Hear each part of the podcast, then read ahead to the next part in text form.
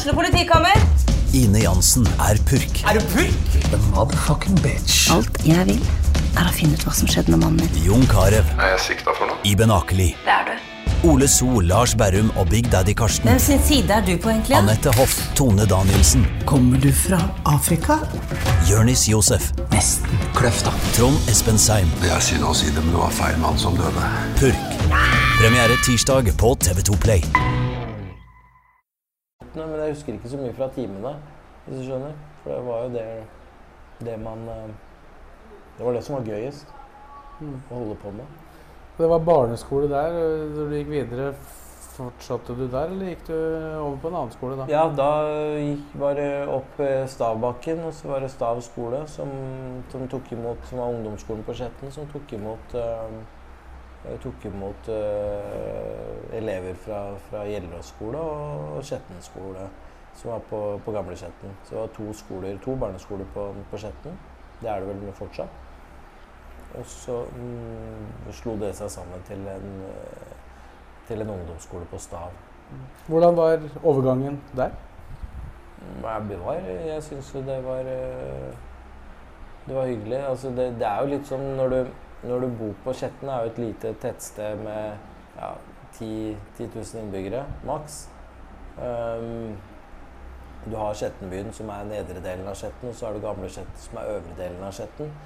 Og eh, når du er liten, så, så er det langt til øvre halvdel av Skjetten når du bor på nedre. Eh, og når du, møter, når du møter andre elever på, som faktisk bo, har bodd på Skjetten hele tida, men som har bodd på Øvre, så føler du at du møter noen fra en annen by. Og sånn var det litt. Men nå, nå var det jo sånn at det, eh, fotball, fotballagene slo seg sammen, de òg. ikke sant? Det var ulike lag med, i forhold til hvilken skole du gikk på først. Og så blei det slått sammen, og så møtte du de samme eh, på fotballbanen eh, som du møtte på i klasserommet. da. Så det var, eh, det var et eh, Det var noen år for åpenbaring hvor du på en måte møtte andre, andre lagkompiser som du ble god lagkompis med etter hvert. Og så møtte du noen flere søte jenter. Og så, og så blei du liksom blei Skjetten i ett da, på Stav. Ja, ja, for det var Valstad var vel den ene klubben het, og så var det Skjetten som da ble slått sammen på et tidspunkt mens du spilte, antagelig? Ja, det ble det. Og det, det skjedde jo tidligere, så da blei Skjetten IF og Valstad, Valstad Eller Skjetten IL og Valstad IF ble jo slått sammen til Skjetten sportsklubb. Eh, så Se der, ja. men eh, men ehm, eh, det, det som jeg tenker på sammenslåing av på måte, de to skole, kan si, skolekretsene, det, det gjør jo liksom at eh, du, du møter andre som du ikke møtte tidligere. Da. Eh, Ja, for det var ikke folk du hadde møtt i fotballsammenheng tidligere? jo, du hadde sett dem, og de hadde, Men det var ikke på samme lag? Ja, de hadde spilt på et annet lag, og så, på, i samme årgang, men et annet lag. Og så, og så blir det på en måte slått sammen til ett når det blir en, en sammenslåing på skolenivå. Ja, var, det, var det sånn som det er i Oslo, at det var et klasseskille fra å bo nederst på Skjetten og øverst, sånn som eh, det kan være andre steder? Eller? Ja, vi har jo alltid tulla litt med det at eh, på, nede i Skjettenbyen så er det jo rekkehus og blokker. Og på gamle Skjetten så er det eneboliger. Um, så vi, vi har alltid tulla litt med at det, det er, eh, at det er klasseskille. Da. Men at det, de som bor på gamle Skjetten, de bor egentlig ikke på Skjetten. For Skjettenbyen, det er nedpå. det, Det er nedpå. ja. Ja. Så vi, vi spøker litt med, med det fortsatt da, i voksen alder. Men du fikk etter hvert kamerater som også bodde på øvre delen der? Ja, man gjorde jo det. Så man, det, altså det er jo sånn at eh, Skjetten gikk jo eh, til og med altså skolekretsen rundt uh, for Stav skole gikk jo helt ned til Nybakkveien, som i utgangspunktet har postadresse 2010. Så, så det var jo eh, det, var, det blei etter hvert et, et, et ga- ganske tett befolka tettsted, da. Det ble det. Det er jo en del av eh, Lillestrøm kommune var jo en del av Skedsmo den gangen. Var, var det sånn at dere bevega dere utafor Skjetten, eller var det stort sett der dere holdt til? Vi bevegde jo Altså i starten så blir det jo sånn at uh, igjen da, du, du utvider jo på en måte perspektivet når du når du blir litt eldre og du begynner på videregående skole, så får du den samme A-opplevelsen når du plutselig begynner å, gå på skole med folk fra hele Romerike. Eh, så det skjer jo steg for steg gjennom først barneskole, og så ungdomsskole, og så, så videregående. Så det, eh, man, man, får jo noen sånne A-opplevelser, da, vil jeg si, eh, underveis. Men store deler av ungdomsskolen og, og, og barneskolen så er man jo, er man jo mest på Skjetten. Når du da kom over på videregående, da, hvor bevega du deg hen da? Og hvilken vei valgte du der? Eh, da valgte jeg Rælingen videregående. Eh, det var jo en eh, skole som eh, Altså en idrettsskole. Også en skole for, for, andre retninger, men det var en relativt ny skole da, eh, som, som, hadde idrettslinje. Så da, da søkte jeg der for å kunne få lov til å drive med idrett også. Ja, For det var idrettslinje, så da ja. kom du sammen med likesinnede der? Da Da kom jeg sammen med likesinnede. Fikk, fikk mange nye venner der fra, fra hele Romerike, så det var jo utrolig artig. Var det, På den tida der så var det kun fotball som var, var tankegangen din, eller eh, tenkte du andre veier? Jeg, jeg tenkte jo fotball sånn i utgangspunktet. Fotball var livet, og fotball var var det jeg ønska å holde på med uh, som aktiv. Og um, det var jo det som var fokuset i utgangspunktet. Så noen utdannelse og sånn, det var liksom det var, det var, i andre rekke. Det må jeg ærlig innrømme at jeg brukte uh, Jeg prioriterte det seinere i livet. Uh, etter hvert. Og det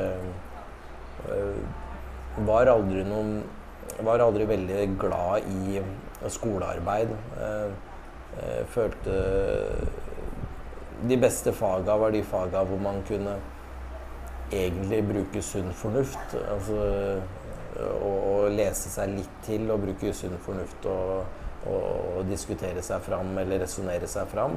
Eh, men ellers så var det Der, der det liksom var en Skulle være en fasit til enhver tid. Sånn som f.eks. matte. da det, det, det kjeda meg noe enormt. Og det gjorde også at jeg, jeg syntes det var vanskelig etter hvert. Og det eh, Fotball var liksom fokuset. Så jeg tok igjen det, det seinere i livet. Ja, var det noe du på en måte angra på? At du ikke hadde brukt mer tid på det, eller var det bare sånn det blei? Ja, det var bare sånn det blei, egentlig. Sånn sånn som jeg endte opp nå, så angrer jeg ikke på det. på en måte, Men det er klart at hvis det hadde medført at jeg hadde kommet på avveier med tanke på, på, jobb og jobbmuligheter og sånne ting, så er det ikke noe tvil om det at eh, jeg hadde angra på at jeg ikke hadde gjort skolearbeidet mer, mer nøye. Da. Men du hadde jo nynorsken, da? Jeg hadde nynorsken. Hvordan var det, da? Altså Lære seg norsk eh Altså, nå fikk jo du inn den ganske naturlig i og med at du gikk på en norsk skole ja. og med norske elever, regner jeg med. da, men... Uh... Nei, det var uh, Det var jo å se bort på sidemannen da når vi hadde prøver for å liksom komme i mål, da. Jeg fikk en uh, jeg, jeg, mener jeg fikk en Fikk jeg noen, da? Er G. Ja, det var ikke toppkarakter, i hvert fall. Det var det ikke. Det er ikke noe du har praktisert etterpå? Det er ikke noe jeg har praktisert etterpå. Det er antageligvis ikke Det er jo greit å kunne litt, men, eh, men, akkurat det tror jeg hadde klart meg uten. faktisk. Hva var det mest nyttige du fikk ut av det å gå på skolen? Det er jo, det er jo som, som, jeg sier, fotballen også, eller idretten også gir. Det, det, å gå og være i en klasse hvor det er et godt samhold, er jo utrolig givende. da. Eh, du får eh, Klassen blir jo på en måte litt som et, eh, et fotballag i, i, eller et håndballag eller altså, Driver du med lagidrett, så, så, får du det samholdet gjennom laget ditt. Da. Og, det, det, er jo noe som man på en måte tar med seg som gode minner. Da. Um, og selvfølgelig mange, mange jeg har gått på skolen med, spesielt på Skjetten. Um, som er fra Skjetten, som jeg har, og som jeg har spilt med og eh, gått på skole med, som jeg har kontakt med dag, den dag i dag. Ganske mange, faktisk. som om ikke hver dag, så, så har man så mye kontakt at man, eh, man ser hverandre i ny og ne. Det, det, er jo livsvarig vennskap da, mm. man får. Så skulle man jo det, Men det var både, både, folk du spilte fotball med, og folk du ikke spilte fotball med? eller? Ja, begge deler, egentlig. Mm. Så, men, men, naturlig nok så er det jo mange av de som, som spilte fotball på et eller annet tidspunkt. Det var flere som var interessert i det? Ja, på et eller annet tidspunkt. Men Var det det som var liksom hele hverdagen? Altså Når skolen var ferdig og dere ikke trente, hva gjorde dere da? Da, det var jo Etter hvert så blir det jo, når du blir litt eldre, og sånn, så var det litt henging rundt og slenging rundt. liksom, og Litt på videokiosken her på Skjetten senter. Og, øh, men øh, og, og, var på Nebbersvollen og var på sykla til Åråsen, øh, selvfølgelig. Um, forbi ned, veien forbi Solvangen og Nebbersvollen og den veien og kom til, til Lillestrøm. og gjorde de tingene der, da. Eh, fordi det var jo ikke bare liksom det var ikke bare å spille fotball. Men det, vi brukte utrolig mye tid på Jeg husker jeg brukte ufattelig mye tid på den kunstgressbanen som etter hvert blei eh, bygd i Jeg tror det var 92, tror jeg. Eh, hvor den første Skjetten kom. Filtgresset. Ja, Det var vel ikke det du ville kalt en kunstgressbane i dag? Nei, den det var hadde ikke blitt oppå asfalt? Ja, den hadde ikke blitt godkjent i dag. altså. Den hadde ikke blitt godkjent i dag. Men vi, vi Det var eh, eh, Vi gjorde det, og eh, vi var der, og vi brukte veldig mye tid der, men vi gjorde selvfølgelig andre ting også. Ja, det var, luks, det var luksus å få den banen den gangen? Ja, var, jeg husker det, fordi det, vi, vi, var der og spilte vi helt til liksom, siste dag hvor de, skulle, liksom, hvor de sa at nå kan dere ikke spille her med, for nå skal vi eh, legge på underlag, og så skal vi liksom gjøre det og det, og så skal vi rulle ut den kunstgressbanen. Vi fikk lov til å Når de, når de rulla ut kunstgressbanen, så var jeg faktisk en av de første som var ute på den banen før den var helt ferdig. Og vi fikk lov til å løpe utpå der og, og, og, spille litt five-a-side eh, bar, barfota. Um, hvor de, hvor de drev og på en måte limte sømmene sammen. Og sånn, og de hadde gjort det på den ene sida av banen, så da kunne vi spille litt der, da, disse arbeidere. Altså. Og det var, eh, det var utrolig kul opplevelse. Eh, så, men da, da, var jo dette helt nytt. Så vi skjønte jo ikke at dette her var noe, noe filt som kom til å gi oss masse brannsår opp gjennom åra. Jeg aner ikke hvor mange brannsår jeg har og arr jeg har på, på, begge skinker og knær og overalt. Liksom. Ja, for det, det tok på kroppen å, å, komme i berøring med det gresset? Ja, det gjorde det, altså.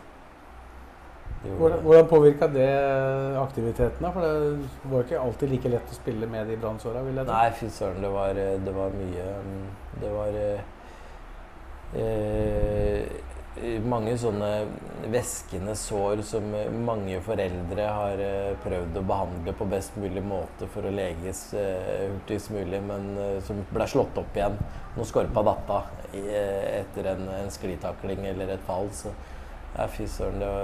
Men, men, samtidig så var det det var, det var veldig nytt da, og det, det var utrolig sånn unikt at en liten klubb som Skjetten kunne få seg kunstgressbane. Både for, eh, for elverspill og for sjuerspill. For det var, jeg lurer på om det var Europa, Nord-Europas første kunstgressbane på sjuerbane. Altså det var sånn jeg tror ikke det var noe Jeg husker i hvert fall i Norge, ikke noen andre enn den som ja. var på Jordal. Ja. For den var jo også sånn. Ja. Det er mulig at den på Skjetten hadde tatt et lite steg i utviklingen uten at jeg husker det. Med. Ja. Men uh, hvis vi tenker til kunstgressdebatten i dag, så er det ganske andre krav som stilles nå. Men nå ja. ser jeg at det, det, som har blitt bestemt at skal brukes nå, det er jo også kunstgressbaner som har gitt en del uh, sår på uh, type brannsår. Ja. Jeg vet ikke, det, har kanskje ikke kommet helt i mål her ennå. Jeg vet ikke hvordan du forholder deg til kunstgressdebatten. LSK er jo et gresslag og proklamerer det veldig, da, selv om du kommer fra ja. En av de store kunstgressmetropolene på tidlig 90-tall. Ja. Nei, det er jo sånn, altså, og det, det, må jo skilles på, det der med kunstgress og altså den gressdebatten. At det, det, det, er vel ikke så veldig mange som mener at eh, alle disse breddeidrettslagene skal ha gress. Eh, for da, da det, det, er jo ikke noe tvil om at brukstimene på en gressbane eh, altså Du får ikke brukt en gressbane like mye som du får brukt en kunstgressbane når du tenker på det med breddeidrett og, og barneidrett. Så at lokale idrettslag har, har kunstgressbane, eh, breddeidrettslag og kunstgressbane, det, det, er jo helt innafor. Men eh, det er jo der diskusjonen ligger, er jo på toppfotball. Altså Eliteserien, Obos-ligaen.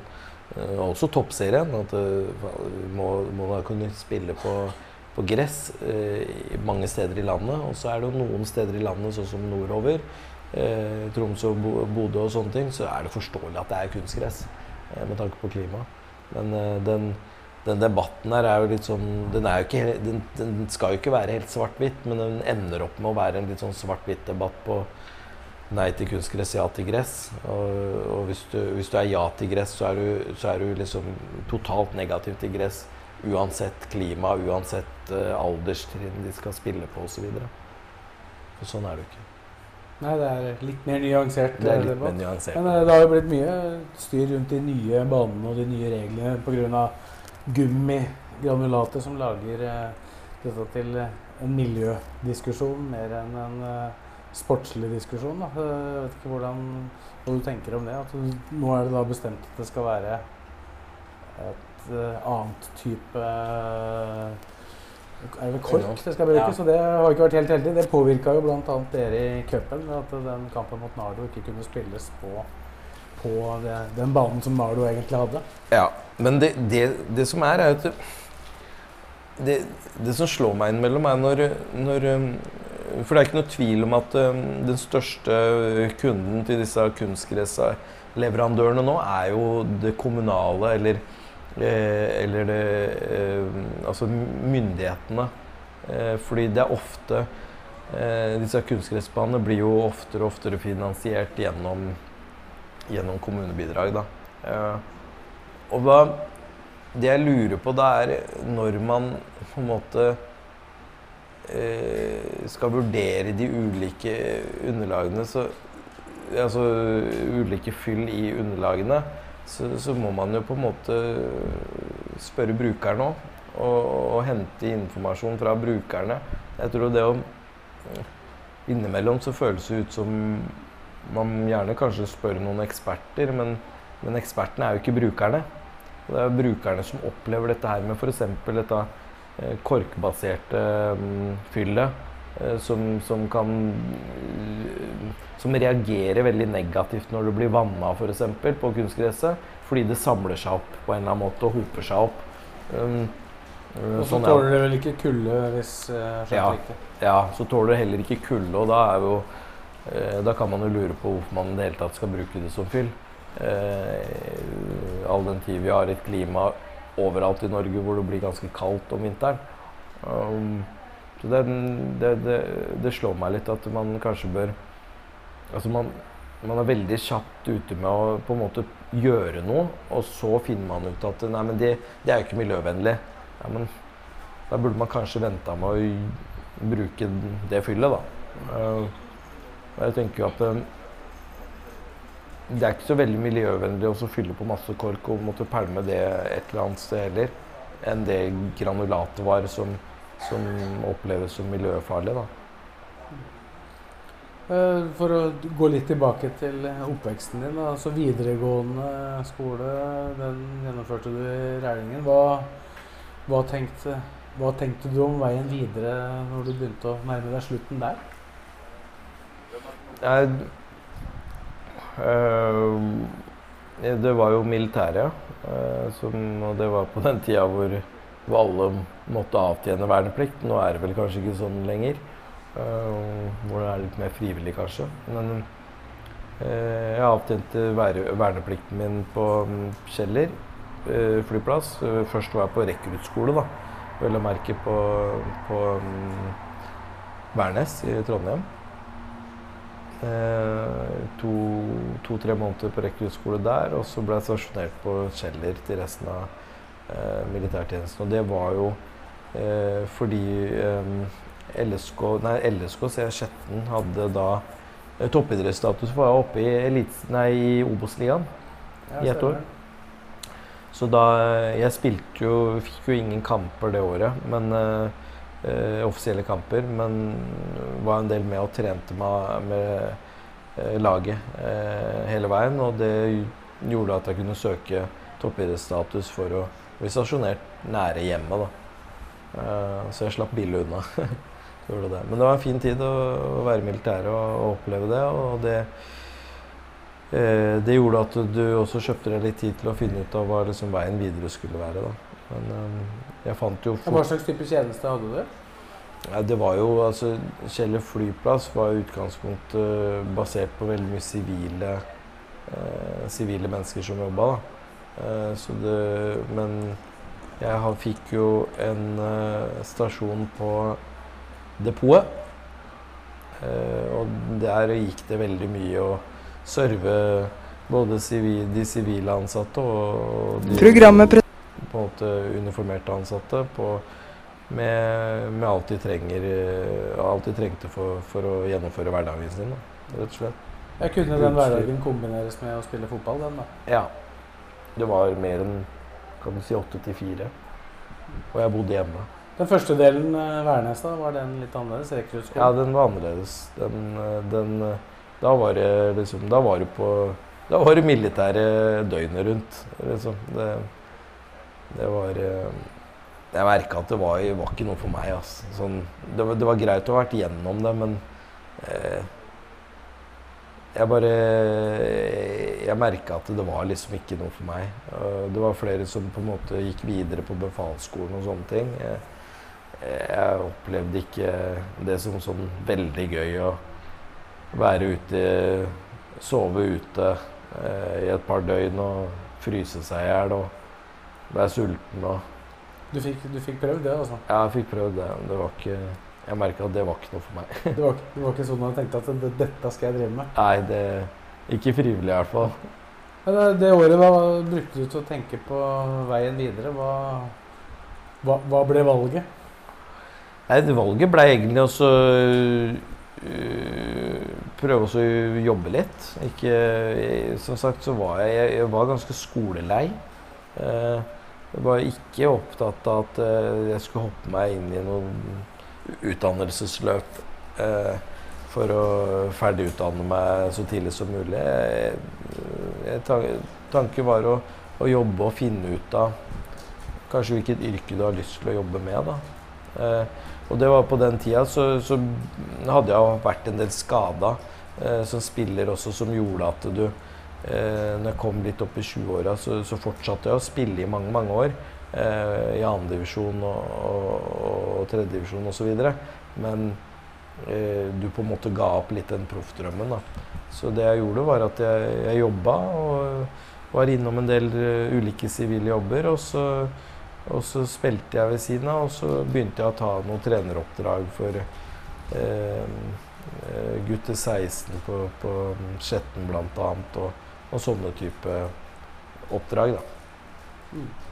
Dette var jo mens du hele tida spilte, da. Ja.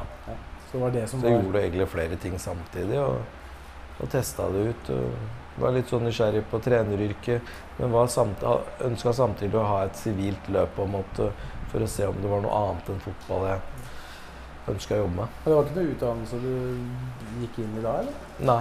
Nei. Da, da bare jobba jeg og spilte fotball og trente, trente lag i, i sportsklubben. Nei, i um, Skjetten.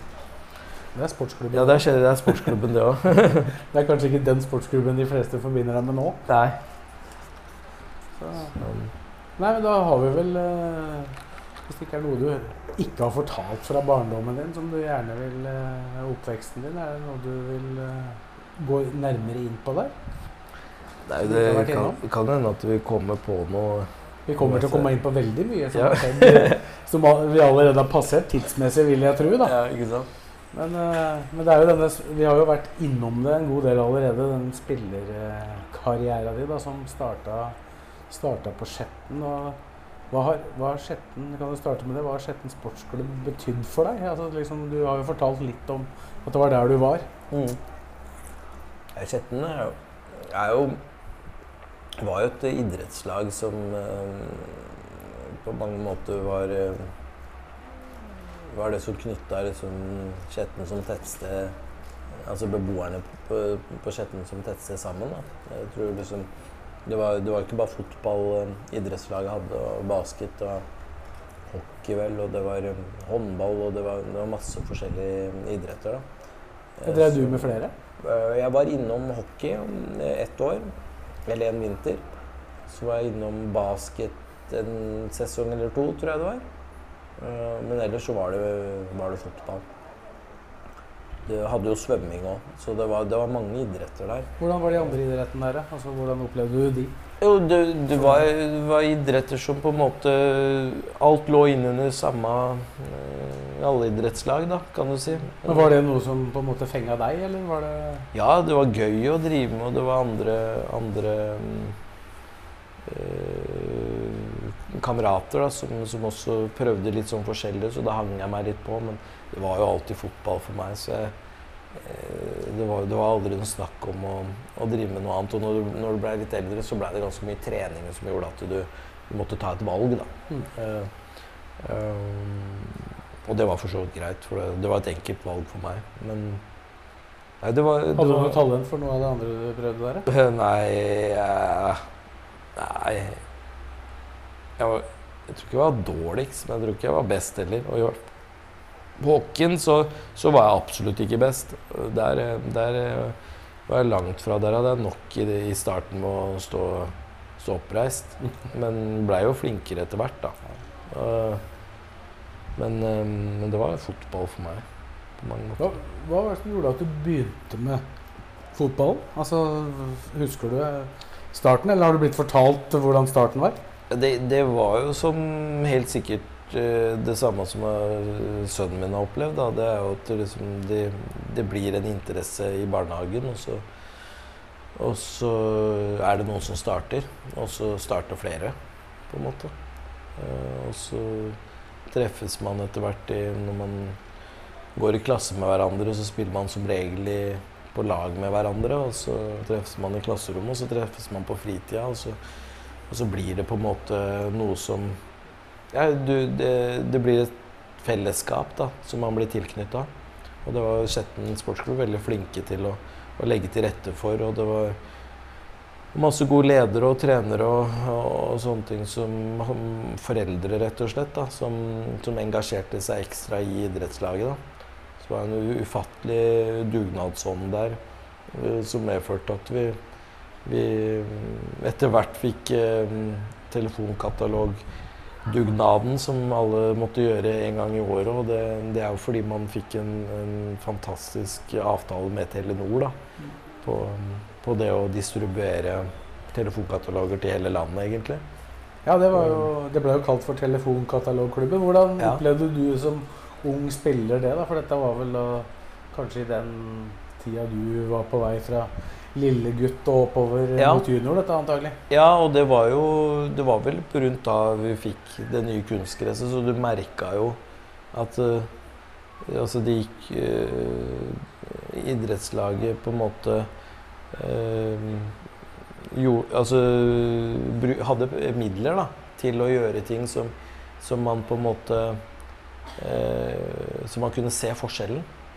Og jeg husker også når vi gikk på skolen, så hadde du svømming på svømmehallen. Og svømmehallen var jo en, holdt jo nærmest på å bli nedlagt, for, for, det var ingen som gjorde noe med den. Det var, den var jo kommunal. Men Lille, nei, Skjetten de eh, pussa opp hele den på egen kost, så vidt meg beskjed. Um, jeg tror det stemmer. Ja. Og renoverte den. Den står jo der den dag i dag som et uh, flott svømme, svømmeanlegg. Uh, og det var jo liksom et svømmeanlegg som Skjetten svømming da uh, drifta på en eller annen måte, da, men som skolene brukte til svømmeopplæring. da. Så det, det, er ikke noe tvil om at, uh, at Skjetten hadde fremsynte ledere og, og, ekstremt aktive frivillige som foreldre, da. Som, som gjorde mye i god frivillig ånd. da for, eh, for barna som, som, vokste opp på Skjetten på den tida. Mm. Hvordan var klubben sånn uh, altså, Sportslig sett merka ikke du det sikkert i starten av ja, men hvordan Du blei jo på en måte med på en reise der òg, da, med, med, klubben. Uh, for det var jo også en sportslig Det er vel den sportslig beste perioden det var jo i den mm. tida du var i klubben? Ja, ja du, man merka jo det at det ja, Både på godt og vondt. At klubben vokste jo for første gang. Kanskje siste gang òg, det vet man jo ikke. Så, så var Skjetten oppe i førstedivisjon og rykka jo egentlig opp fra å være Jeg husker vi satt på, på, på toppen av haugen på Skjetten kunstgress der eh, tribunen er nå. Så var det ikke tribune før. Da var det bare en slette. Og vi kunne sitte på toppen der og, og, og se på, på A-laget spille. Og de spilte i femtedivisjon, tror jeg, og fjerdedivisjon. Og så og så kom de seg opp i tredje. og eh, Jeg husker veldig godt Peter Wernie spilte på A-laget til Skjetten. Det var ikke så lenge før Lillestrøm kjøpte den. Men uh, da var jo faktisk Skjetten i, i tredjedivisjon, hvis ikke jeg husker feil. Og han var rundt 20 år. 21 år. Um, Midt på 90-tallet. Han kom ja. til Lillestrøm i, før 1994, hvis jeg ikke husker feil. Ja, så det var uh, Eller om det var 95. Ja, så det var uh, det var en fin tid og, eh, og mange gode opplevelser. Og Skjetten var en klubb som alltid tok med på en måte alle lagene sine til Dana Cup. Og vi ble jo mange år på rad kåra til den største klubben eh, i Dana Cup. Og det er jo det er en prestasjon i seg sjøl, men det var, det var, rubbel og bit. Altså Den ene uka når Dana Cup ble avholdt, så var det ikke det var ingen som kunne være igjen på Skjetten da. Så da var, det, da var det som en spøkelsesby i en uke. så hele, hel, hele Skjettenbyen var nede i Danmark? Hele Skjettenbyen var nede i Danmark. Og, og, utrolig mange gode opplevelser og erfaringer fra, fra, den tida også. Ja, hvordan var det å reise på, til Dana Cup for en uh, ung Simon Mesvin? da? Ja, det var jo fantastisk. Det, var liksom, det er som jeg sier, at hele tida så åpner det seg Eh, en ny verden når du, når du, begynner på videregående skole, og når du, når du, når du reiser både hit og dit. For du, blir jo veldig Når du er liten, så, så, blir du jo veldig sånn på det nære, da. Og, og, der du er oppvokst, det er der du holder til. Og så begynner du å få andre opplevelser og begynner å møte andre mennesker osv. Så, videre, så så er jo det utrolig artig å oppleve, da. Mm. Har du noen gode minner, spesielle minner som du fortsatt husker fra Danmark?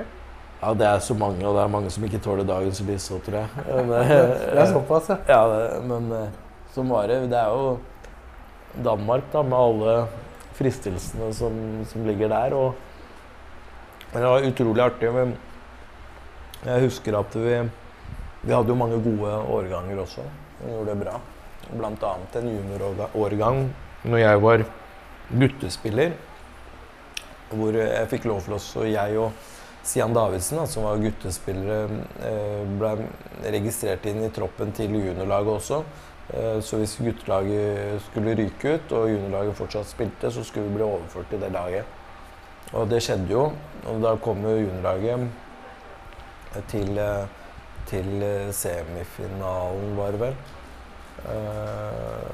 Nei, kom til finalen. Ja, kom til finalen. Um, og det var en fantastisk årgang med Olav Sanetti og Marius Gullerud bl.a., som har, har, blitt profesjonelle spillere. da. Men mange andre spillere også som var, eh, var på et høyt nivå. da. Og, um, det var um, Slapp du utpå i finalen da? Nei. nei. Man, uh, Fikk være med på det? Ja, det var, var jeg, jeg, lurer på om, om den jeg husker ikke om det ble den finalen jeg var med på, eller om det, det var året før. Men um, jeg husker at uh, juniorlaget til Skjetten røyk i hvert fall mot uh, Eik Tønsberg i finalen. Og, og, jeg mener at Espen Bugge Pettersen redda straffe da, hvis ikke jeg husker feil. Ja. Han, han, er jo nå kollega i, i Sandefjord. Ja. Sportssjef. Ja, så man møtes på innimellom. Du har ikke prata med ham om den? Uh, Nei, det har, jeg glemt, det har jeg faktisk glemt å spørre om. Faktisk. Men uh, åra i Skjetten der, da, sånn sportslig sett, uh, hvordan var liksom framgangen din? Spilte du alltid din samme årgang? Jeg, jeg ble nok tidlig tatt opp uh, noen årganger. Um, for, å få, ja, for å få tøffere matching og sånne ting. Og det var ålreit. Men jeg, jeg, likte jo alltid å spille med vennene mine òg, så det var ofte at jeg spilte flere kamper i uka eh, fra tidlig alder. Eh, for å være med på de, med de jevngamle, men også for å, for å eh, være med de som var eldre, som du fikk muligheten og lov til å være med. Og det, det var også artig. Fikk enda flere timer på asfalten og filtteppet, da. Ja, gjorde det. Gjorde det. er det noe du merker i dag? Ja, på ank anklene mine er ganske ødelagte, vil jeg si. Og det var en av Det tror du har en, sammenheng med det, eller? Ja, det var, det var mye mm, på underlag på, på, ankler der tidlig, så det var en operasjon som jeg måtte ta Den første operasjonen var da 19. Så var det var det en kneoperasjon også sånn rundt 20-åra. Og Så var det en progresjon her. da, Du begynte å nærme deg A-laget. Hvor var ambisjonene dine? eller hvor, Hva var de da? Ambisjonsnivået var jo hele tida å bli profesjonell fotballspiller. og Det var liksom det, det, var det du drømte om eh, og, og jobba for. Men etter hvert så på en måte går den drømmen eller det målet som det jo var, da, gå mer over i en drøm og en mer urealistisk drøm. da. Mm. Så, så, det, var noen, det var noen tøffe tak der sånn i starten av 20-åra, og man følte at det, det, kom ikke til å gå. da. Og så kunne man, sånn som nå, som jeg sier til, til alle unge spillere, at uh, det var en litt annen tid hvor ikke alt var så transparent. ikke sant? Så du, eh, nå, nå, trenger du ikke å bekymre deg over at uh, Spiller du bra i andredivisjon, så, så kan du bli sett av eliteserieklubber hver eneste uke. Sånn var det ikke da. RB hadde ikke den dekninga på TV-sendte kamper i, i andredivisjon og tredjedivisjon osv. osv. Eh, så, så det, det, er klart at den Det var vel strengt tatt ikke noe som het Internett heller, helt i starten der? Nei, det var ikke det. Det var, noe, det var vel sånn ISDN med sånn Uh, måtte taste telefonnummeret, og så hørte du noe piping og, og, sånne ting. Og så tok det et kvarter før du var på nett. da. Det var jo første internetten. Mm. Men, du, men, drømmen fikk du jo holdt uh, altså Hvis vi går litt tilbake igjen, før du på en måte ga opp drømmen, eller at det bare var en sånn perifer. Du, du har jo vært utenlands. Ja. Du kan jo fortelle om uh, hvordan det kom i stand, og hvordan det var. Ja, det, det var jo Jeg mener at jeg skrev brev til Coventry. Du gjorde det sjøl, ja? Ja. Og så hadde jeg uttalelser fra kretslagstrener og alt sånne ting liksom, som jeg trodde hadde en betydning. da. Og så, ja, så sa de ja til å invitere meg over. Og, og, det var jo en utrolig artig opplevelse, men også en ganske sånn skummel opplevelse. For det var første gang jeg reiste eh, alene. Ut av, ut av, Norge? Ut av Norge alene. Hvilket år var vi her da? Det var i 95-96-sesongen. Eh, så det var jo det året det var, det var, rundt februar, hvis ikke jeg husker feil. Og eh, det året jeg eh, fylte 16. Så jeg hadde ikke fylt 16 ennå. Så det var ganske Fikk jo selvfølgelig hjemlengsel etter et par dager. eh, men det, det, er, det er morsom erfaring å ha vært igjennom. Skulle, jeg er veldig glad for at jeg fikk oppleve det. For da fikk man også se hvordan det er, og at det, er, det var knallhardt. Det var, det, var ikke noe kjære mor, og det var eh, mange unge gutter som bor langt hjemmefra. Og, og alle hadde den samme drømmen om å bli profesjonelle spillere. Ja, de du møtte, var det folk som hadde drømmen, eller du møtte også spillere som var der? Som ja, jeg møtte bare spillere som var der. Ja. Det var ikke noe andre på en måte utenifra. Nei. Fortell litt om hvordan, hvordan var det? Altså, du, du, kommer til den store verden, den verden du jeg, kanskje har sett litt på TV? da. Ja, jeg, jeg merka jo for så vidt ganske kjapt at de var jo uh, ute etter Eller de forsto at jeg kunne potensielt være en som skulle ta plassen deres. Så du, du måtte virkelig liksom kjempe for din plass, da. Mm. For å si det sånn. Det, det var det var ikke noe allerede da. Og de, de, gutta Jeg var jo 15, og de gutta var 17, 18, 19. Så det, det er klart, det, det var tøft. Men uh, Men han fikk på en Det er jo måte sånn at du fikk på en måte ble takla litt Ja, det andre, kunne eller? være det. Ble du fryst ut sosialt, eller? Ja, det kunne være alt at de testa ut, men jeg tror jeg liksom fikk respekt relativt tidlig ved at uh, de så at jeg hadde gode ferdigheter. Og, og jeg klarte å hoppe unna det som var av takling og sånn i starten, og da tror jeg de på en måte eh, Ja, de fikk den respekten, da. Så det avtok egentlig. Men de første dagene så husker jeg at det var knalltøft. Første to, tre, fire dagene. Du beherska engelsk allerede da, så du kunne kommunisere med, med de som var der? Ja, jeg, føl, jeg følte at jeg kom meg rundt med engelsken, eh, skoleengelsken. Så det, og, og den, ikke minst den engelsken du lærte av å se på Sky Sports og sånne ting, som man eh, fikk tak i på den tida. Hvor, hvorfor sendte du brev til akkurat Coventry, eller sendte Jeg sendte flere? i flere. Jeg sendte i flere klubber. Mm. Og så, og det, det som var sånn spesielt, var at når jeg, når jeg var da og spil, Jeg spilte en kamp, en treningskamp mot Bournemouth sitt uh, U18-lag. Og da var jeg med U18 Coventry og spilte mot de, da. Uh, og da, da hadde jo Det var noen speidere, for de drev og speida på hverandres kamper og sånne ting. Og da var det en Celtic-speider som var der. Og når når jeg kom hjem, så var det Gikk det ikke mer enn ja, en liten tid, så, så fikk jeg et brev av, Celtic med spørsmål om, de ville, om jeg ville komme og trene med de. Altså, det var fordi det de hadde sett? Ja, så da, da hadde jeg det, ikke spurt om det sjøl, på en måte, men de hadde De hadde um, sendt det, da. De hadde sett meg der. Ja. Bare for å avslutte Coventry på det, hvordan ble på en måte avslutningen på det? på det? Det var ei uke, eller? Ja, det var en uke, og så, og så kom jeg hjem, og så var det nok sånn at de, de kunne nok være det, var, det er en helt annen tid det der enn det det er nå. Altså sånn Med tanke på kontraktsforhold og sånn, så var det noe som de kaller for apprenticeship contracts, eh, tror jeg det var. Jo. Og det var, det var lærlingkontrakter. Eh, men det du alt det som var vanlig, var at du fikk to år lærling og så kanskje ett år proff. da. Hvis, du, hvis de hadde veldig tro på deg, så fikk du to år proff som var på en måte inkludert i den pakka. Eh, så jeg, jeg ble jo fikk, når jeg, var, jeg var på et møte før jeg dro hjem, og da, da sa de jo at de kunne vurdere også tilby meg en to pluss én, altså en to år apprenticeship og ett år proff.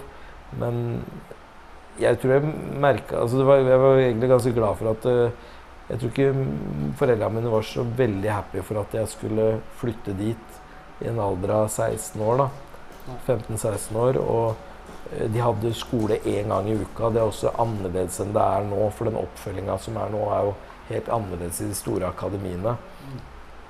Skal du øh, skal du slutte i 9. klasse som den gang nå er 10., da, og ikke ha noe mer skolegang etter det, liksom, annet enn at du da har skole én gang i uka eh, uten at I England. jeg er i England Jeg vet jeg for så Men, vidt men sjøl, jeg bare tenker Du sitter der som 16-åring da, Ja. og, og får den muligheten. Mm. Er det ikke lett å bli smigra av det til å Jo, og du, gripe da? og du, jo, og det, hadde du spurt meg før jeg reiste hit, så hadde jeg jo eh, gitt bort en arm for det. Ikke en fot, for da hadde jeg ikke kunnet spille, men en arm. Ja. Eh, men, eh, men gjennom opplevelsen som var der, så merka jeg at det, det, det, her er, det her er mye tøffere enn det jeg tror. da. Og da tenkte jeg jo at eh, da får jeg heller Det her er for tidlig. Samtidig så var det ikke opp til meg å avgjøre heller, det var foreldrene mine. Så men, Ja, det var ikke sånn at du maste på foreldrene dine om at Nei. dette må vi gjøre, liksom? Nei, og så var det sånn at når det blei med eh, det kom, en annen, det kom en annen utfordring der relativt kjapt, og det var at jeg begynte å slite med denne ankelen min. Da. Ja, allerede da? Ja, og da, da liksom fikk det utsatt seg litt, og så blei det på en måte så mye utsatt til at det ikke blei noe av. Fair enough. Eh, jeg fikk jo ikke reist til Celtic heller pga. det samme, Mm. og da endte det jo sånn. Er det noe du på en måte har tenkt på i ettertid at eh, den sjansen skulle jeg tatt? Ja, eh, sånn mm, i tidlig 20-åra der og sånn når, mm, går, når, karrieren stopper litt opp, da. Så, så, tenkte jeg jo det. Men da tenker du som en 20-åring, da. Ja. Da tenker du litt annerledes enn du tenker som en 15-åring. Så, så, så nå, og nå tenker jeg annerledes som en snart 42-åring. At det, det var nok en smart avgjørelse. Eller at det en avgjørelse og litt påtvunget avgjørelse, kan du si. Du føler ikke at det Du kunne sitte her av en helt annen grunn enn at du er sportssjef i LSK? At du kunne hatt en karriere ute? Nei, jeg tror liksom alt, alt er ment to be, da, til slutt. Og det, da var det vel sånn at det var ment to be at jeg skulle bli sportssjef i LSK og ikke spille for LSK, f.eks. Mm. Ja, for den, den ankeren, den, altså det begynte så tidlig at du, du, du fikk allerede litt problemer med den da? Ja, sånn rundt sånn 16-17 år så begynte det, og så var det vel som 18-19 så var det første operasjonen i gang. Men Var det overtråkk du hadde holdt på med da? ja, og så spark. Jeg hadde en ganske sånn En spillestil som gjør at du blir, blir kakka mye på beina. Det, samtidig så var det jo Det er ikke noe tvil om at det må ha vært noe med underlaget òg. For, for, noe av det var eh, tretthetsbrudd som, som på en måte ble oppdaget i ankeleddet. Så da kommer du tilbake igjen til Norge, og så fortsetter du karrieren i Skjetten, da. Kan du ta oss gjennom det som, det som skjedde da i, i Skjetten-tida di videre etter det der? Ja, jeg, spiller jo i Jeg har jo spilt i Skjetten og i Strømmen og, og vært innom Drøbak Frogn en kort periode. og Eh, avslutta i Sørumsand og Flisbyen. Da. Men, men Hvis vi tar Skjetten-tida, da? Den A-lagstida der, da, som ja, etter hvert blei? Ja, den var i to perioder, egentlig. Fordi eh, det blei jo fort en periode der hvor, hvor Skjetten ønska å prøve å lage en sånn samarbeidsklubb. Eh, ja. Romerike. Mm. Og det var um, Eh, Romerike Fotball var vel navnet på den også. Hva het det en liten periode? Ja, og det blei vel kanskje ikke det, den samarbeidsklubben som det var ment å være. Det var, Men det var vel da etter at uh, Skjetten sportsklubb hadde vært oppe på nivå to? Eh, det var eh, ja, ja, det skjedde var vel kanskje året etterpå. det het, for det het Skjetten sportsklubb da? Ja, ja. Laget leda, ja. leda, det som nå heter førstedivisjon, ja. Eh, på en tidspunkt tidlig i sesongen der. De jobba vel, eh, de jobba vel eh, gjennom det året der liksom, med det samarbeidsprosjektet. da. Og så klarte de å rykke opp egentlig mm. før man Så håpa man på at det skulle som befeste plass, posisjonen i, mm. på nest øverste nivå. da. Så men tida di i, eh, Skjetten på A-laget der, da, hvordan var den? Du, du kom jo inn i A-lagssammenheng eh, rett før opprykket der, men var vel da ganske ung, da? Ja, det øh, Ja, hvor er vi nå? Nei, når du er junior, nærmest. Ja, når, ja, ja. Uh, jeg spilte jo Spilte jo for Skjetten i den perioden der, og så Uh, var jo der til og med på en måte uh, Ja, var vel ja, til og med det året man rykka opp og ned. Fra, fra, jeg fikk jo ikke noen kamper i førstedivisjon. Hvordan var de åra rundt opprykket der? Ja. For det var jo noen kvaliker og Ja, det var jo det var noen fine år, det, liksom. Og, og, da var jeg ung, så jeg hadde jo ikke mye spilletid. Men fikk jo være med mye uh, rundt laget, da. Og trene med laget. Det var Uh, masse, masse, gode spillere som var innom. Og, uh, Geir Bakke var jo innom som trener, og, og Petter Myhre var innom som spiller. Så det var jo var Ja, Jon Knutsen, som senere her var jo også spiller ja. i Skjetten. Så på mange måter, folk du har ansatt seinere, møtte du jo der første gang. da. Ja. Eller kjente du dem fra før også? Nei, jeg kjente dem ikke fra før av. Det er jo noen år imellom oss. Eh, men jeg ble jo kjent med dem og, som veldig hyggelige karer. Som de er den dag i dag. Ja, for Geir Bakke var assistenttrener, vel? Ja. Petter Myhre var spiller, og Jon Knutsen var keeper. Ja. Så de var jo innom eh, Og Kjetten hadde jo egentlig ganske mange gode spillere. Eh, eh, innom i ulike perioder. Det var, eh, var en klubb som etter hvert på en måte fikk et ok omdømme sånn til å være en toppklubb i, i annendivisjon. Og så var det etter hvert en, en uh, Var innom førstedivisjon, selvfølgelig. Og når man rykka ned igjen, så var man også en toppklubb i annendivisjon en del år. Så var jo Og det ble mer din del av altså din karriere? Kom ja. etter nedrykket igjen, da? Ja. Men vi må, jo, vi må jo Vi kan jo ikke prate om Skjetten og, og du tross alt var en del av avstanden uten å komme innom Horten på høsten i 1998, da Skjetten rykka opp. Eh, du var ikke med i troppen, eh, fortalte du meg, men eh, du var i Lystlunden i Horten? Ja, det var jeg. Det var kjempegøy. Hvordan opplevde du den kampen? Nei, det, det er mange som prater om For hadde, For å sette folk inn i det, altså, hadde Skjetten vunnet 4-1 i den første kampen mm. På Skjetten kunstgress. Mm. Og møtte da Ørn Horten i returen. Eh, og det var jo da bortemål som telte sånn som det var i Europa en periode. Og så mm. starta jo den kampen med en tremålsledelse for Skjetten, da.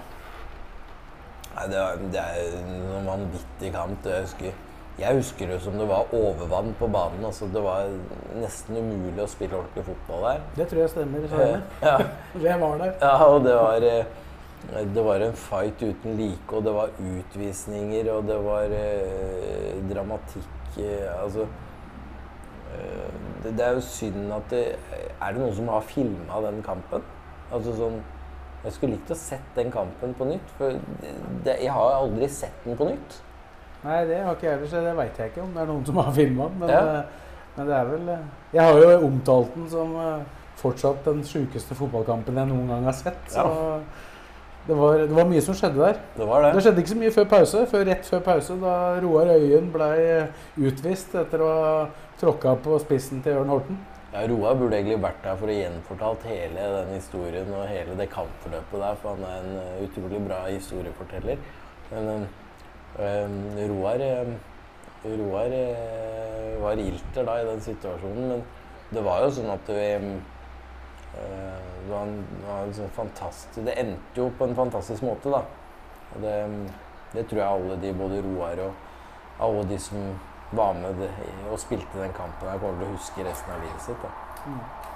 Ja, for det, jeg husker jo litt av dette her, i og med at jeg har, jeg har både skrevet om det flere ganger, og ikke minst da. så det som skjedde, var at han ble utvist, og så tar jo etter hvert Ørn Horten ledelsen 1-0. Mm. Og så blir det 2-0. Mm. Og, så får de, og det var jo masse kontroverser på veien her, da, for det ble jo også en ny, ny utvisning. Karl André Hovde, som nå trener Kløfta, ble jo også utvist. Mm. Nils Johansen holdt på å bli utvist, mm. men han klarte da og akkurat idet han skulle klappe til han uh, samme Ørn Horten-spissen, så klarte han å trekke til seg hånda, og så var det isteden han Ørn Horten-spissen som vel het Idris, gjorde ja, det? Ja. Han ble da isteden ute, så det ble ti mot ni. Ja. Og, og, etter hvert da 3-0 til Ørn Horten, som betydde at Ørn Horten var videre. Mm. Men så skjedde jo det helt utrolige mm. ganske seint i kampen. da, mm. da en som bare ble kalt Dukke opp, dukka opp, Ove dukka opp. i en vanndam. Ove, Ove Bjørøy. Ja. ja, fy søren. Ballen stoppa vel i en sølepytt eh, på streken der. Ja, litt ute i feltet. Ja. Og så ble det 3-1. Mm. Og da var Skjetten eh, mm. Og det var noen voldsomme scener. Hvor, hvordan tok du del i, i, det? Du var jo en del av laget, men uten å være med i troppen, da? Ja, det, altså det var jo øh, Hvilket år var dette her nå? 1998. 1998 ja, det var akkurat fylt 18, ja. Så det var um, Nei, altså det var jo helt eh, Det var jo en sånn unik opplevelse å være med på. Og det De Vi hadde jo et godt lag. Det var jo masse altså Karl André Hovde uh, var en del av det laget, som trener Kløfta nå. har Trent Kløfta i mange år, vel. Ja da. Uh, og så Ja, for han trener vel fortsatt Kløfta? Ja da. Ja. ja da. Uh, Petter Myhre Jørn Holmen. Det var Jon Anders Skoglund, tror jeg, som la ja. den pasningen inn i feltet der. Ja, ja. Uh, Jon og Svein Inge Hågenrud hadde vel bytta på å Ja, den de bytta, Det hadde en veldig spesiell ordning den sesongen, husker jeg, hvor de bytta på å stå to og to kamper. Mm. Men i de to kvalikkampene så mener jeg bestemt at det var Svein Inge som sto begge, uten Mm. at jeg husker det Mm. helt eksakt. Men det var i hvert fall han som sto den siste. Mm. Ja, det er eh, fantastisk eh, opplevelse. Det var jo bu altså, Jeg husker ikke hvor mange busser, men det var jo utallige busser som hadde kjørt til Horten for den kampen her fra Skjetten. da. Så det var jo Ja, For en Skjetten-gutt så måtte jo den dagen der være litt spesiell. Ja, den var fantastisk. Og det er jo derfor man husker eh, Jeg husker jo ikke så mye av kampens forløp, liksom, men du husker, du husker kampen. Du husker, husker det du opplevde. Det var en unik opplevelse, egentlig. Som eh, Ja, eh, i motsatt fall så er det jo noen som har opplevd det med ne- Altså den eh, kampen med start på Åråsen her, eh, som er sånn det skjer ting som er liksom uforklarlige. Da. Og det, sånn var det litt med Ja, i hvert fall på det tidspunktet. tidspunktet det ble 3-0, da, og på en Ja. måte Ørn Horten var, eh, Ja. var videre, da, eller var Ja. oppe. Ja. Og så med ni mot ti. ja. Det er ikke så ofte at, det- at det spilles kamper med ni mot ti, tross alt. det er nettopp det. Så. Mm. Men så ble det opprykk, da.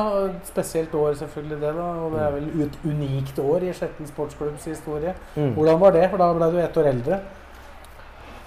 Uh, nei, det, det, det blei jo litt sånn at uh, Det var utrolig artig å liksom oppleve at Skjetten for første gang i historien var oppe i første divisjon. Men det gjorde også at eh, eh, klubben endra kanskje litt på strategiene med, med at de henta en del spillere eh, utenifra. da. Eh, og spillere som de brukte en del penger på osv. Som gjorde at eh, vi som var på en måte egenutvikla spillere og lokale spillere fikk vanskeligere vei til eh, inn på laget. da, Plass på laget.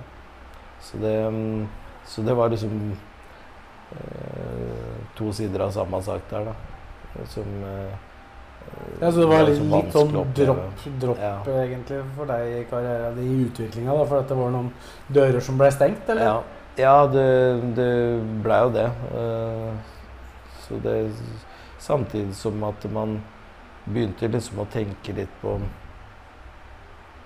eh, hvordan, hvordan skal man ta veien videre.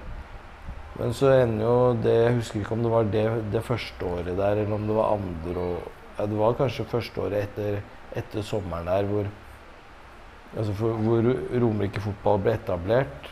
Og så varer det egentlig ikke så lenge før det må avvikles. Og da ender det jo med at alle kontrakter og sånne ting blir annullert. Og eh, man kan fortsette å spille der, men liksom etter eget ønske, da. Eh, da var det vel flere av, eh, som, som fant ut at man ville prøve noe annet, da. Og det var vel da jeg eh, gikk til Strømmen, hvis ikke jeg husker feil. Var det da et steg ned eller et steg sideveis? Eller et steg? Eh, det var et steg ned, fordi det, da, da var strømmen på en måte Da var jo Skjetten den nest største klubben, på en måte. Mm. Nest beste klubben på Romerike. Ja. Og Strømmen var, eh, var, hadde da klart å rykke ned til tredje divisjon. Da. Mm.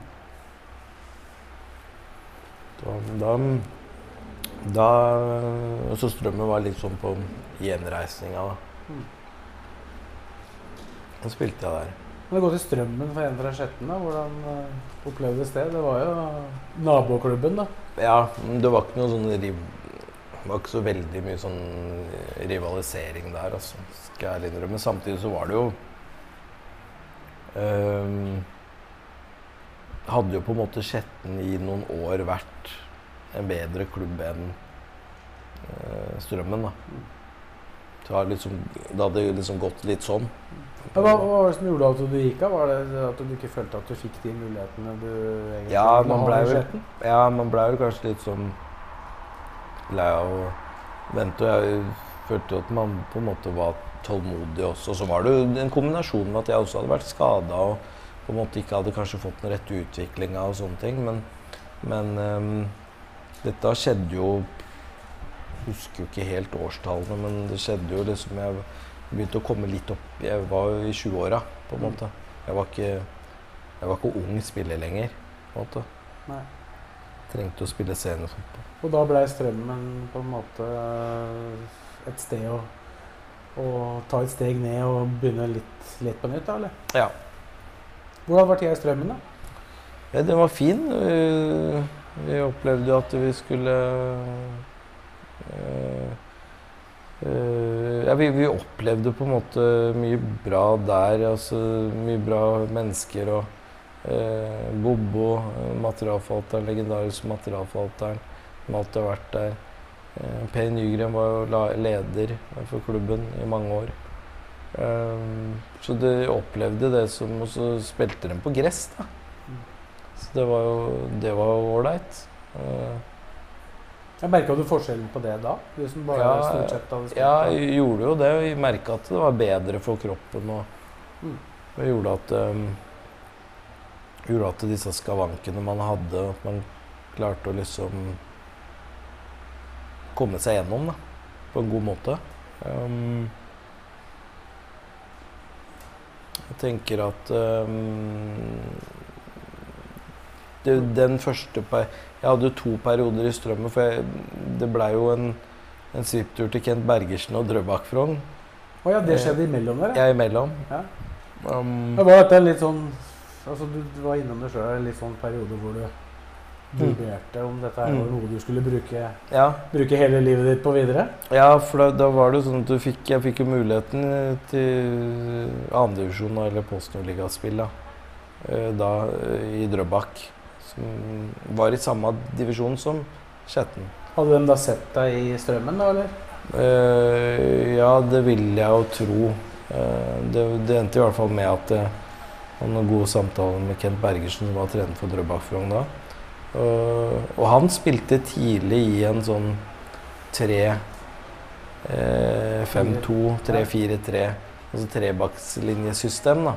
Hvor han uh, Hvor uh, jeg ble påtenkt som venstre wingback, da. Um, det var 3-5-2, så han spilte som wingback var det den øverste kanten, kan du si, da.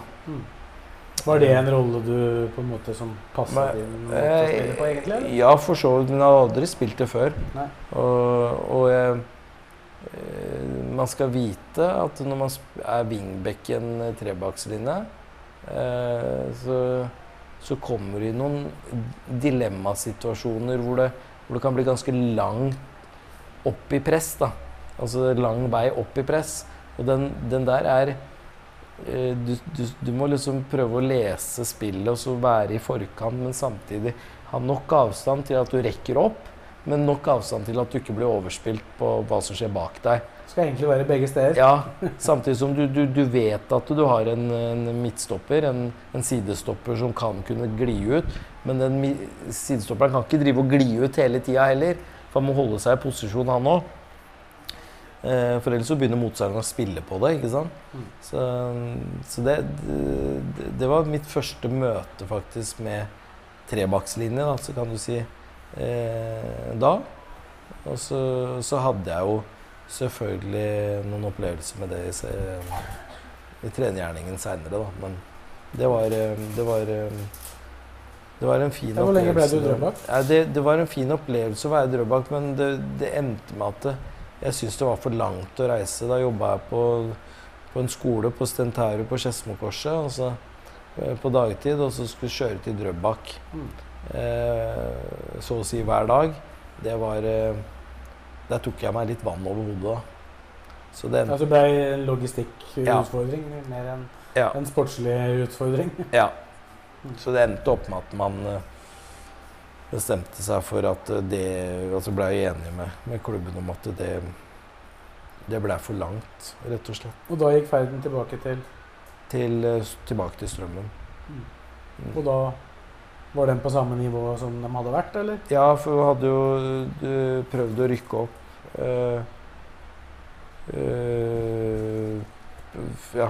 Det var, begynte å bli et topplag i tredje divisjon, da. Mm. Og var med disse opprykkskampene. og husker ikke om det var kvalikkamper der. Det var vel, eh, var vel noen kamper mot, uh, mot Brumunddal bl.a. osv. Så. Så vi Jeg var der, og så Hva var det som skjedde etter det? Da var det vel eh, Sørumsand? Nei, det var Skjetten. Du var tilbake i Skjetten? Ja, og det, den, den, perioden der var jo var veldig fin, fordi da var Skjetten nede eh, i tredje divisjon. Og så ønska man å komme opp i andre divisjon og liksom samle egentlig alle de, de, som på en måte var unge spillere tidligere, men som kanskje av ulike årsaker ikke fikk muligheten i den, i den eh, kan si, rikeste perioden til klubben. Da. Ja, Så da kom på en måte dere tilbake igjen, dere ja. som hadde blitt stengt uh, ja, litt på veien? Uh, ja, og som var ulike. Og, og, alt fra Kent Andreassen som hadde blitt plukka opp av LSK, men ikke fikk sjansen der.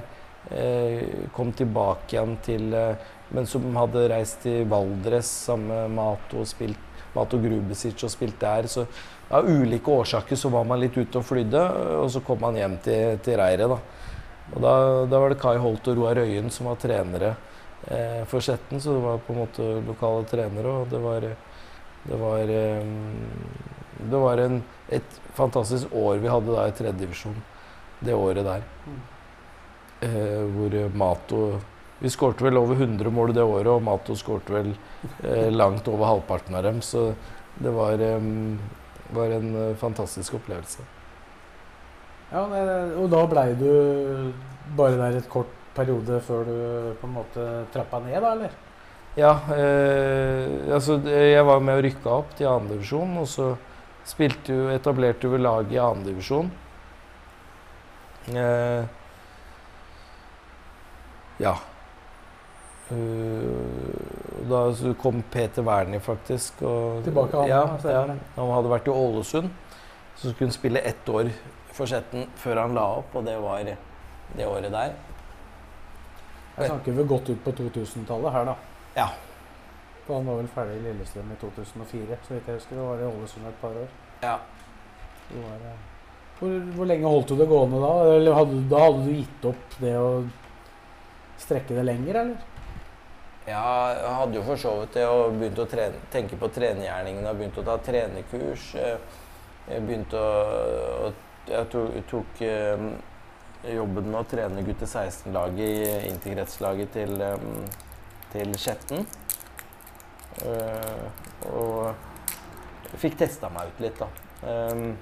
Som igjen gjorde at når jeg fikk en mulighet til å uh, være med Jørn Hareton i, i, i trenerteamet til Sørumsand sitt A-lag, uh, som da var et tredjedivisjonslag, hvor, hvor også pappaen til Svein Inge Hågenrud eh, var leder eh, og var med i ledelsen, så, så, fant jeg ut at det var det jeg hadde lyst til å gjøre. Så da på en måte hoppa jeg av det Skjetten-toget og begynte å fokusere på, eh, på neste, neste epoke? Neste epoke, ja. Skal vi si at det er et uh, passe tidspunkt å ta en uh, kjapp pause på, Simon? Så er det ikke så lenge til vi er tilbake her. Vi har vel fem minutter på oss, har vi ikke det? Jo. Så fra vi reiser oss. Og da er vi straks tilbake herfra.